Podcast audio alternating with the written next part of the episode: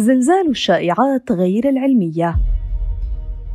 عادة ما تنتشر الخرافات والمعلومات غير العلمية أثناء الكوارث الطبيعية وإذا كان اثرها في السابق محدودا فإنه مع انتشار وسائل التواصل الاجتماعي باتت تؤثر بشكل مباشر على ملايين الناس الذين تدفعهم حالة الخوف إلى تصديق كل شيء. كيف كان تعامل وسائل الإعلام مع المعلومات العلمية أثناء زلزال تركيا وسوريا.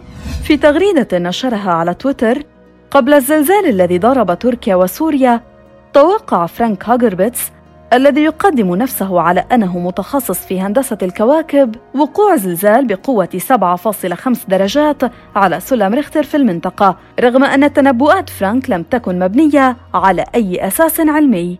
شوهدت تغريدة فرانك أكثر من 50 مليون مرة. ونشرت على نطاق واسع.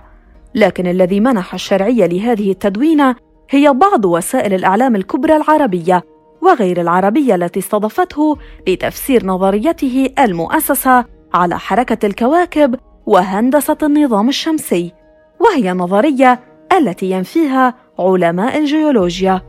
تقع تركيا في منطقة زلزالية نشطة أي أنها معرضة للزلزال في كل مرة. لكن لم يطور العلم لحدود اليوم أي آلية أو أداة دقيقة للتنبؤ بوقوع الزلزال. إنما بعض المؤشرات التي يمكن أن ترصد النشاط الزلزالي بسهولة كان بإمكان وسائل الإعلام التي استضافت فرانك التثبت أنه أخفق في ديسمبر 2018 فبراير 2019 وفي تواريخ مختلفة من 2020 في نشر بيانات صحيحة متنبئة بالزلزال بل وهوجم من طرف علماء بسبب ترويجه لمعلومات غير علمية تثير الرعب في الناس. على هذا النحو عاد فرانك ليتوقع زلزالا كبيرا سيضرب بلدانا عديدة في الشرق الأوسط مع ملاحظة أن تغريدات فرانك تنتشر بشكل سريع بين المتابعين المأخوذين بهول الكارثة وحجم الموتى والدمار. كما حدث أثناء انتشار كورونا فإن نشر المعلومات غير العلمية يؤدي إلى حصد أرواح بشرية مثل ما وقع عندما تناول البعض الكحول معتقدين أنها تقي من الفيروس. ويمكن الاستشهاد أيضا باضطرار الآلاف من الإندونيسيين للبقاء في الملاجئ لأكثر من شهر بعد انتشار شائعات عن حدوث تسونامي وشيك. لا توجد معطيات علمية دقيقة لحدود الآن عن تأثير نشر المعلومات غير العلمية عن الزلزال على الناس.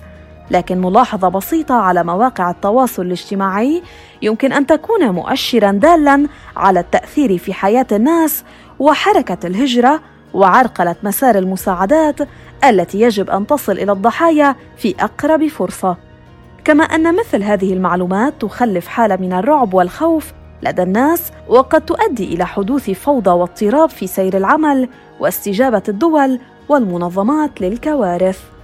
من الممارسات الفضلى التي توصي بها المواثيق الصحفية المرتبطة بالكوارث والأزمات هي التحقق من الأخبار العلمية واحترام قاعدة هرمية المصادر وعدم اللجوء إلى التهويل والانجرار نحو سياق عام مطبوع بالخوف.